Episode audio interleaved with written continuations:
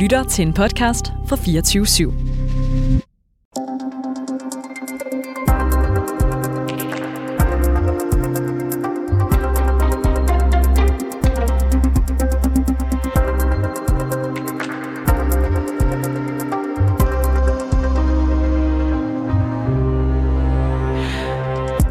Coronanedlukningen var en fejl og koster den i dag så mange virksomheder og dermed os alle sammen dyrt.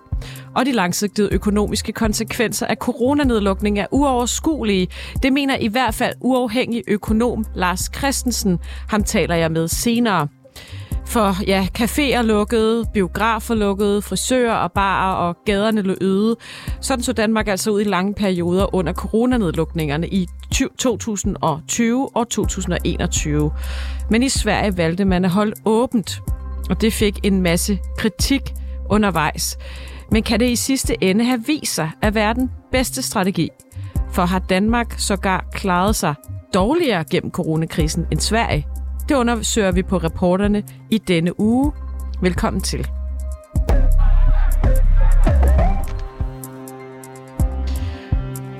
Og så vil jeg gerne sige velkommen til dig, Jesper Eugenio. Goddag. Udtaler jeg dit navn rigtigt? Ja, det er meget tæt på. Skønt.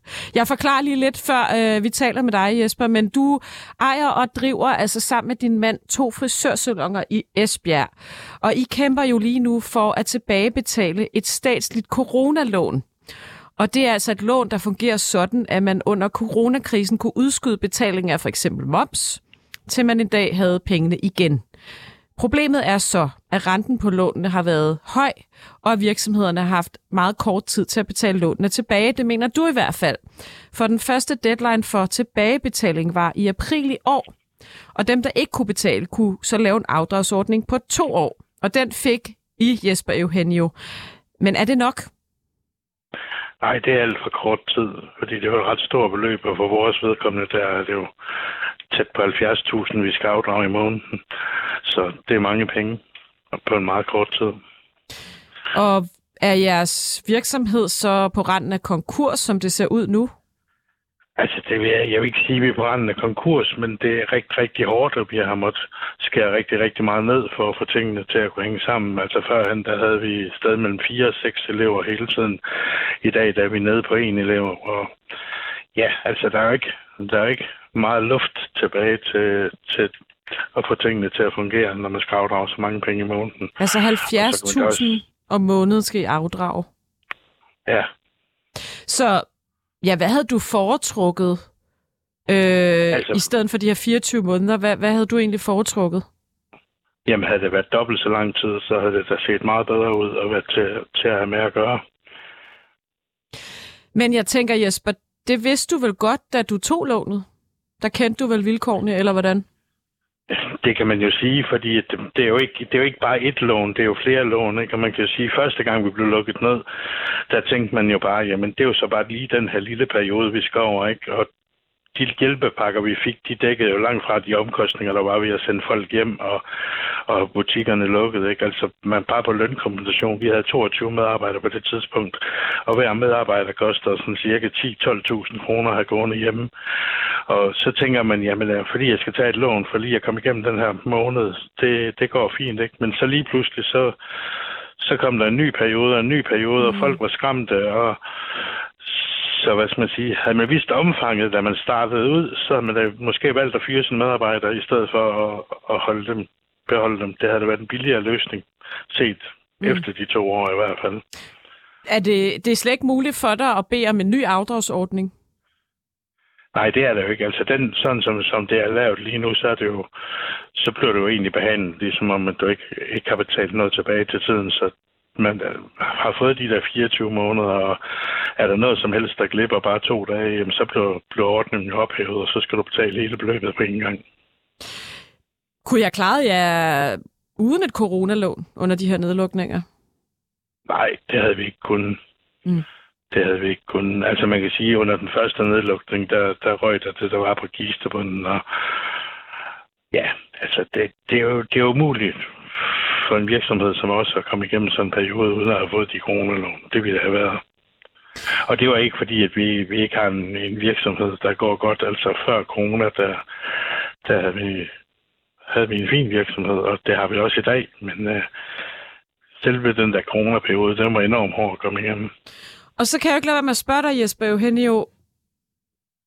Altså staten, det er vel ikke statens skyld, at vi fik en coronaepidemi, eller pandemi var det jo. Nej, er det ikke det fair nok, eller er, er det så fair, at, at staten skal gå ind en til en og redde øh, virksomheder i Danmark? Er det ikke fair, at I også er med til på en eller anden måde at betale den pris, vi alle sammen har været med til at betale? Mm, det er fint, du siger den pris, I alle sammen har været med til at betale, men, men, men hvad har coronanedlukningerne kostet dig? Så vidt jeg kan se, så er der kun én, no, én gruppe mennesker, der har været med til at betale det her. Det er de små selvstændige og virksomhederne. Fordi de offentlige ansatte blev sendt hjem på fuld løn. Alle lønmodtagere blev sendt hjem på fuld løn. Men hvad skulle man have Så- gjort, hvad skulle man have gjort øh, i stedet for, synes du? Fordi man kunne vel ikke have forhindret, at der var en, øh, en epidemi, en pandemi? Mm, Nej, men man kunne så måske lade være med at ændre epidemiloven samme dag, man lukkede Danmark ned, fordi at den sagde jo, at man har krav på 100% erstatning. Det svarer jo lidt til, at hvis der er ild i dit hus, så, så sletter man brandforsikringen, mens huset det brænder. Det var da ikke særlig pænt gjort. Og jeg siger heller ikke, at det. Jeg synes også, at det er helt fint, at vi selv skal være med til at bidrage med det. Og vi har taget nogle lån, men nu er vi ligesom kommet ud på den anden side, så giver der folk nogle ordentlige vilkår til at betale dem tilbage. Fordi jeg, jeg klager jo ikke over, at vi skal betale det tilbage. Jeg klager over hastigheden og renten, vi skal betale tilbage på. Mm. Du kan jo se for eksempel nu her med, med energikrisen, hvor elpriserne stiger, og man skal ud og lave en, nogle låneordninger til private mennesker, så kan man godt lave løbetiden på fem år og en rente på 4 procent, eller hvad det var, det endte ud med. Men lige så snart det er i virksomheder, så er det bare tommelsporene på, og så er man sådan set lidt ligeglad, fordi vi er bare sådan en lille gruppe mennesker, der ikke er særlig mange stemmer i. Jeg tror desværre, det er det, der er problemet. Mm. Hvad, hvad, hvad, har, du, har du eller din brancheforening forsøgt at, at hive fat i ja, for eksempel Simon Kollerup, erhvervsministeren, og bedt om at få lov til at få mere tid til at betale af? Jamen altså, sådan, altså nu er jeg været sådan meget aktiv omkring det her. Jeg tror det sådan lidt, jeg har haft mailudveksling med hver erhvervsordfører i det gamle folketing, og der var sådan set dem alle sammen enstemmigt, der havde prøvet på at forklare regeringen, at 24 måneder, det var alt for kort tid. Men øh, det valgte man sådan ligesom at sætte overhør i. Og så kan jeg jo ikke lade være med at spørge, om du kunne have gjort mere selv, altså for eksempel have sparet mere op, eller... Altså det skal man vel også som virksomhed til, til dårlige tider? Ja, men øh, dårlige tider. Altså, jeg, lige nu der har vi en inflations- og energikrise. Den har jeg sådan set ikke noget problem med at komme igennem som virksomhed. Det, der måske gør det lidt svært, det er, at vi skal afdrage det der med så kort frist. Men, men coronaepidemien, der var der ikke ligesom skrevet nogen steder, at man skulle være forberedt på. Fordi som sagt, så var der jo en lov, der sagde, at jamen, hvis den situation kom, så havde vi krav på fuld erstatning. Mm.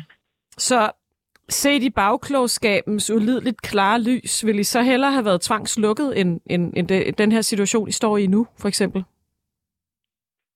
Det forstår jeg ikke helt, for vi blev jo tvangslukket under corona. Ja, det har du egentlig ret i. øhm, ja, det er totalt øh, off, det jeg spørger om her. Øh, ville det have været bedre, hvis I ikke var blevet tvangslukket? Ja, det er jo klart. Men, men, og så, du ved, holde butikken åben med de restriktioner, der så var. Altså, det fungerede jo rigtig godt i de perioder, vi var åbne, og vi brugte jo mundbind og sprittede af og gjorde mm. dit og dat. Og man havde jo allerede meget, meget tidligt i det her forløb øh, nogle undersøgelser fra, jeg mener, det var Tyskland, hvor, hvor man fandt ud af, at det var altså ikke, når folk de gik til frisøren, de blev smittet, fordi at, øh, der var sådan rimelig høj hygiejne i forvejen. Øh, så det tror jeg, der har været en bedre løsning. Selvfølgelig den første nedlukning der på en måned, det, alt var nyt, og alle var bange. Så det var da også ligesom, det var da ærligt sagt, at da der ligesom kom en beslutning om, nu lukker jeg ned, det gav da også noget tryghed, fordi man var jo bange, fordi man ikke vidste, hvordan tingene var. Men den anden nedlukning der på tre måneder, det var da helt hen i vejret. Tak fordi du var med, og jeg håber selvfølgelig, at din forretning øh, klarer det. Du har to frisørsalonger i Esbjerg sammen med din mand Jesper ja. Eugenio. Tak. Ja, fordi... altså en i Esbjerg og Ribe. Men, okay, ja. ja. Det beklager jeg. Hvad hedder dine salonger, hvis nogen skulle få lyst til at gå hen og støtte dem? Cesar Eugenio hedder de. Så håber jeg, at folk vil gå derned og blive klippet. Tak fordi du var med. Jamen selv tak, og fortsat god dag. Tak. Så har jeg fået gæst i studiet. Det er dig, Lars Christensen. Velkommen. Tak. Du er uafhængig økonom og coronanedlukningskritiker, har du måske også fået titel af efterhånden, eller ja, hvordan? det har jeg jo, ja. Det, det, det ved jeg ikke, om jeg får titel af, men det er jeg i hvert fald. Ej, jeg vil sige, jeg er kritiker af den, øh, den generelle tilgang om nedlukning, ja. Og, og også det, der følger med, som vi lige har diskuteret, øh, den måde, at man har håndteret støtteordninger, eller det, der blev til støtteordninger, som jo i virkeligheden skulle have været kompensation for tvangslukninger. Lad os øh, dykke ned i det øh, i de kommende minutter. Samfundsøkonomisk set var nedlukningerne af Danmark en fejl. Konkurserne i år er på sit højeste siden øh, coronaen øh, brød ud, og de langsigtede konsekvenser af nedlukningerne bliver større end dem, vi har mærket. Det mener du i hvert fald, Lars Christensen. Du er altså øh, uafhængig økonom. Lad os tage det helt overordnet først. Hvorfor mener du, at nedlukningerne var en fejl? Jeg tror lige at lave en korrektion på det, du siger, fordi jeg mener faktisk, at hvor økonomien var i, lad os sige, 2020 i øh, anden, tredje kvartal 2020, da hele verden, lad os nu sige, at vi ingenting har gjort i Danmark, og hele verden gør det, de har gjort, hele verden lukker ned, så havde den makroøkonomiske udvikling i Danmark på mange måder, i hvert fald for eksporterhvervene og, og de finansielle markeder, været det samme. Øh, og, og det kan vi jo se, der er et ensartet mønster alle steder. Og så kan du sige, jamen det vi lige taler om netop, hvor der bliver nævnt, at jamen hvad med den anden nedlukning, tredje nedlukning så videre, det er, det trækker ud. Der kan vi jo for eksempel, hvis vi kigger på et land som Tyskland, hvor jo har været meget, meget længere om at opgive nedlukningerne end i Danmark. Så vi kan se, at den makroøkonomiske udvikling i Tyskland har, har været langt bagefter, hvad vi så i Danmark, hvad vi har set i Sverige, hvad vi har set i USA, hvor man har lukket op hurtigere, eller slet ikke har lukket ned.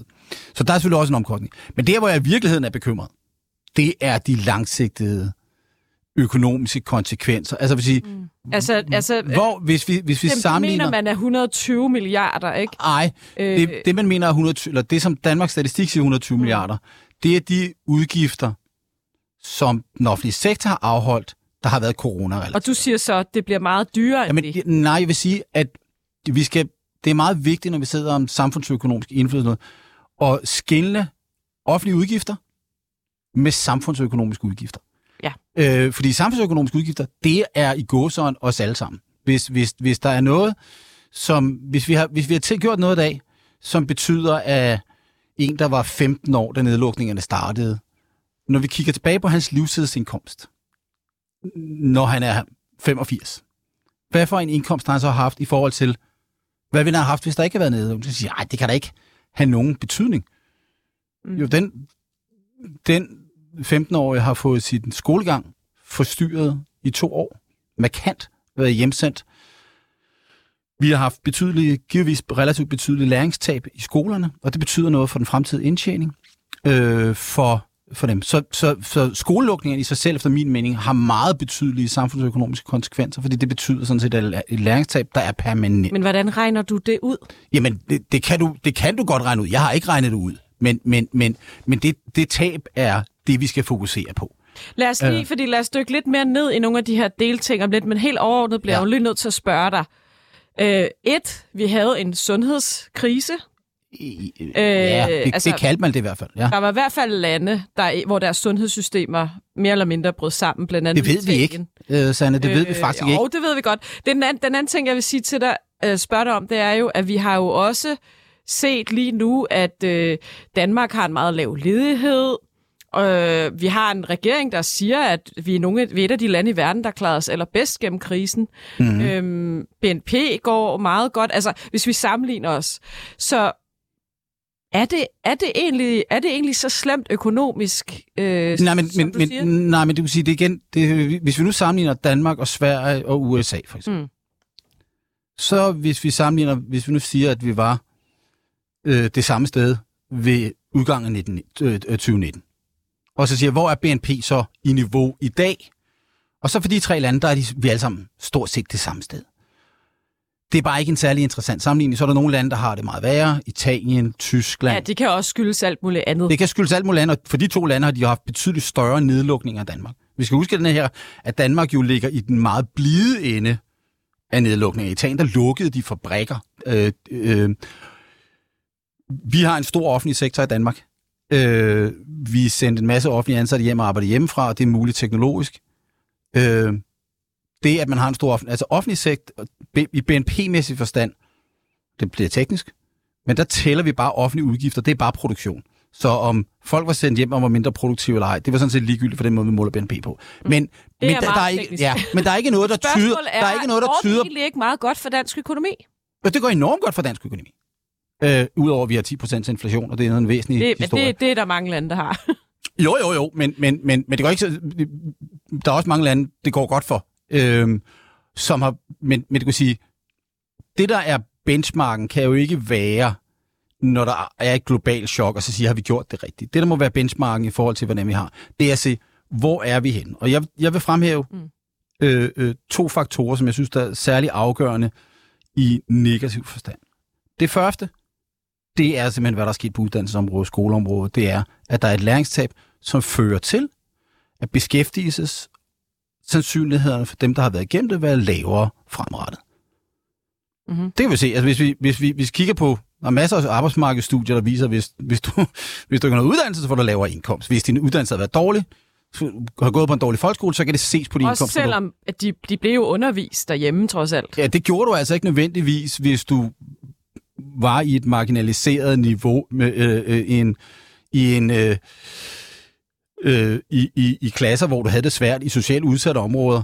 Øh, en privatskole på Frederiksberg, der er det nok ikke det store, der er sket. Men for en kommuneskole eller for en folkeskole i, øh, i Alberslund i et socialt boligbyggeri, der har effekterne været større. Og så er der de her virksomheder lige nu, der kæmper med ja, corona. det synes jeg, og det kan man jo det kan man så diskutere. Men det er den første ting, det er læringstab. Mm. Det andet, jeg vil sige, det er, det vi jo gjorde, det var, at vi sagde til virksomhederne, og jeg synes, det blev meget fint fremhævet det forrige interview, jamen vi havde jo, vi har, vi har forberedt os på, at der kan være kommet økonomiske tilbageslag, og vi har opsparing og gøre ting, og vi kan komme igennem inflation men vi kan ikke komme igennem, at man suspenderer epidemiloven, fordi det var nogle, det, det var, man kan kalde rammevilkårene. Hvad betyder det, det for virksomhederne? Jamen det var for virksomhederne for at vide, sådan her er rammerne.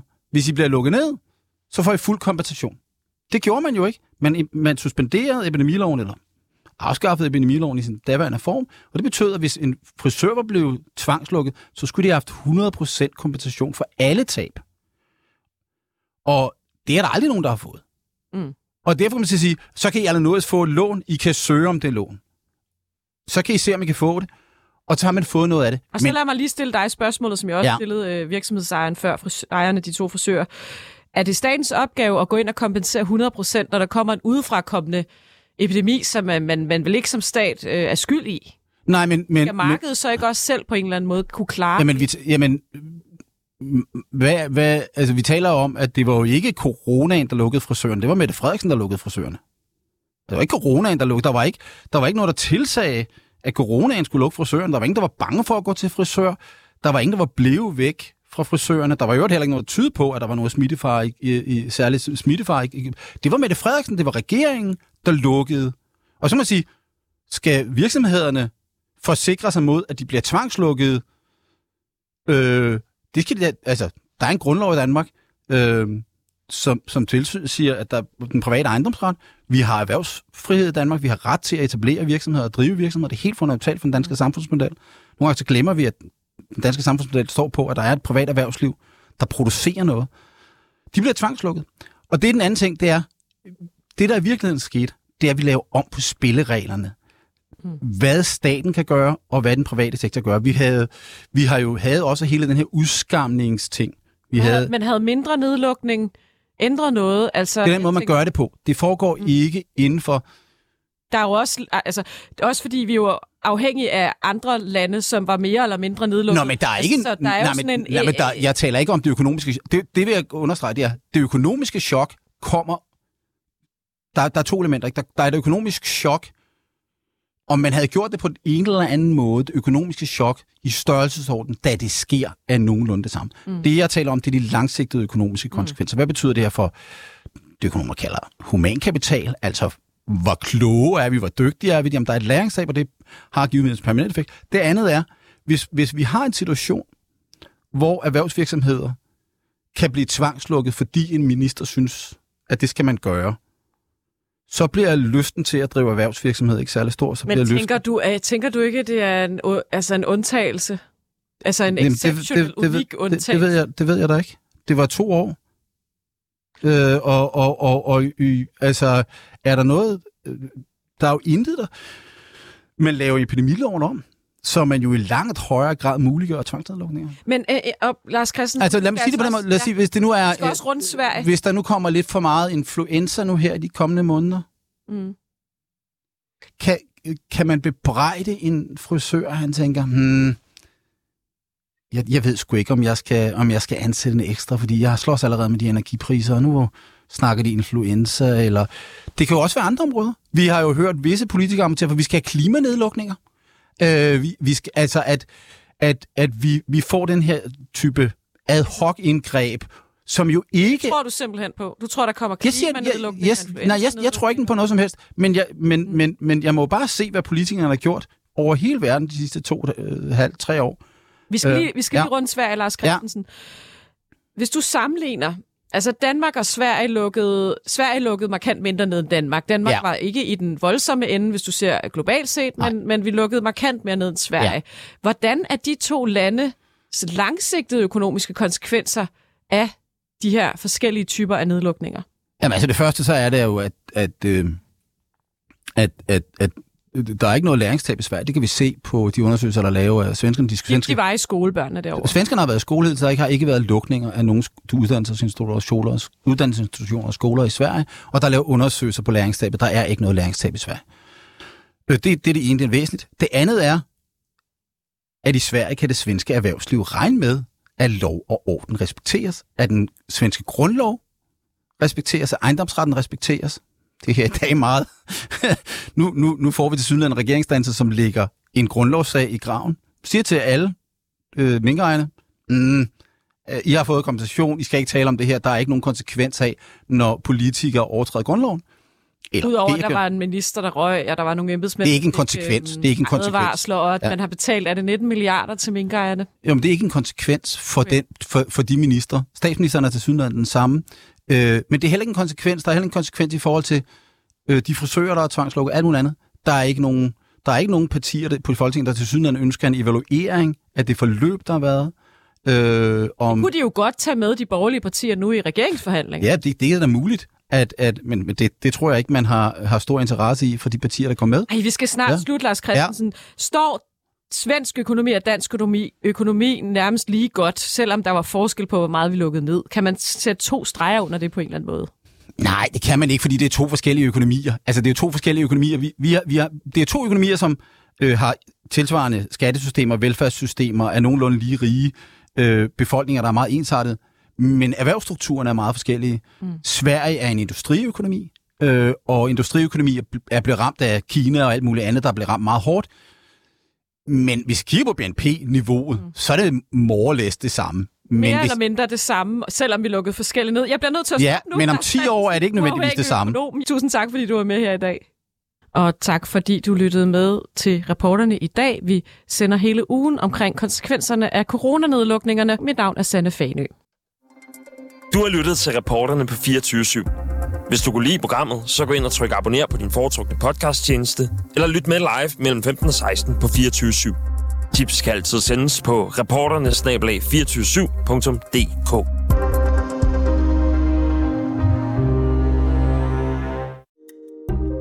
Kære lytter, du har lyttet til et program fra 24 /7. Du kan finde meget mere modig, nysgerrig og magtkritisk taleradio på 24 7 appen Hent den i App Store og Google Play.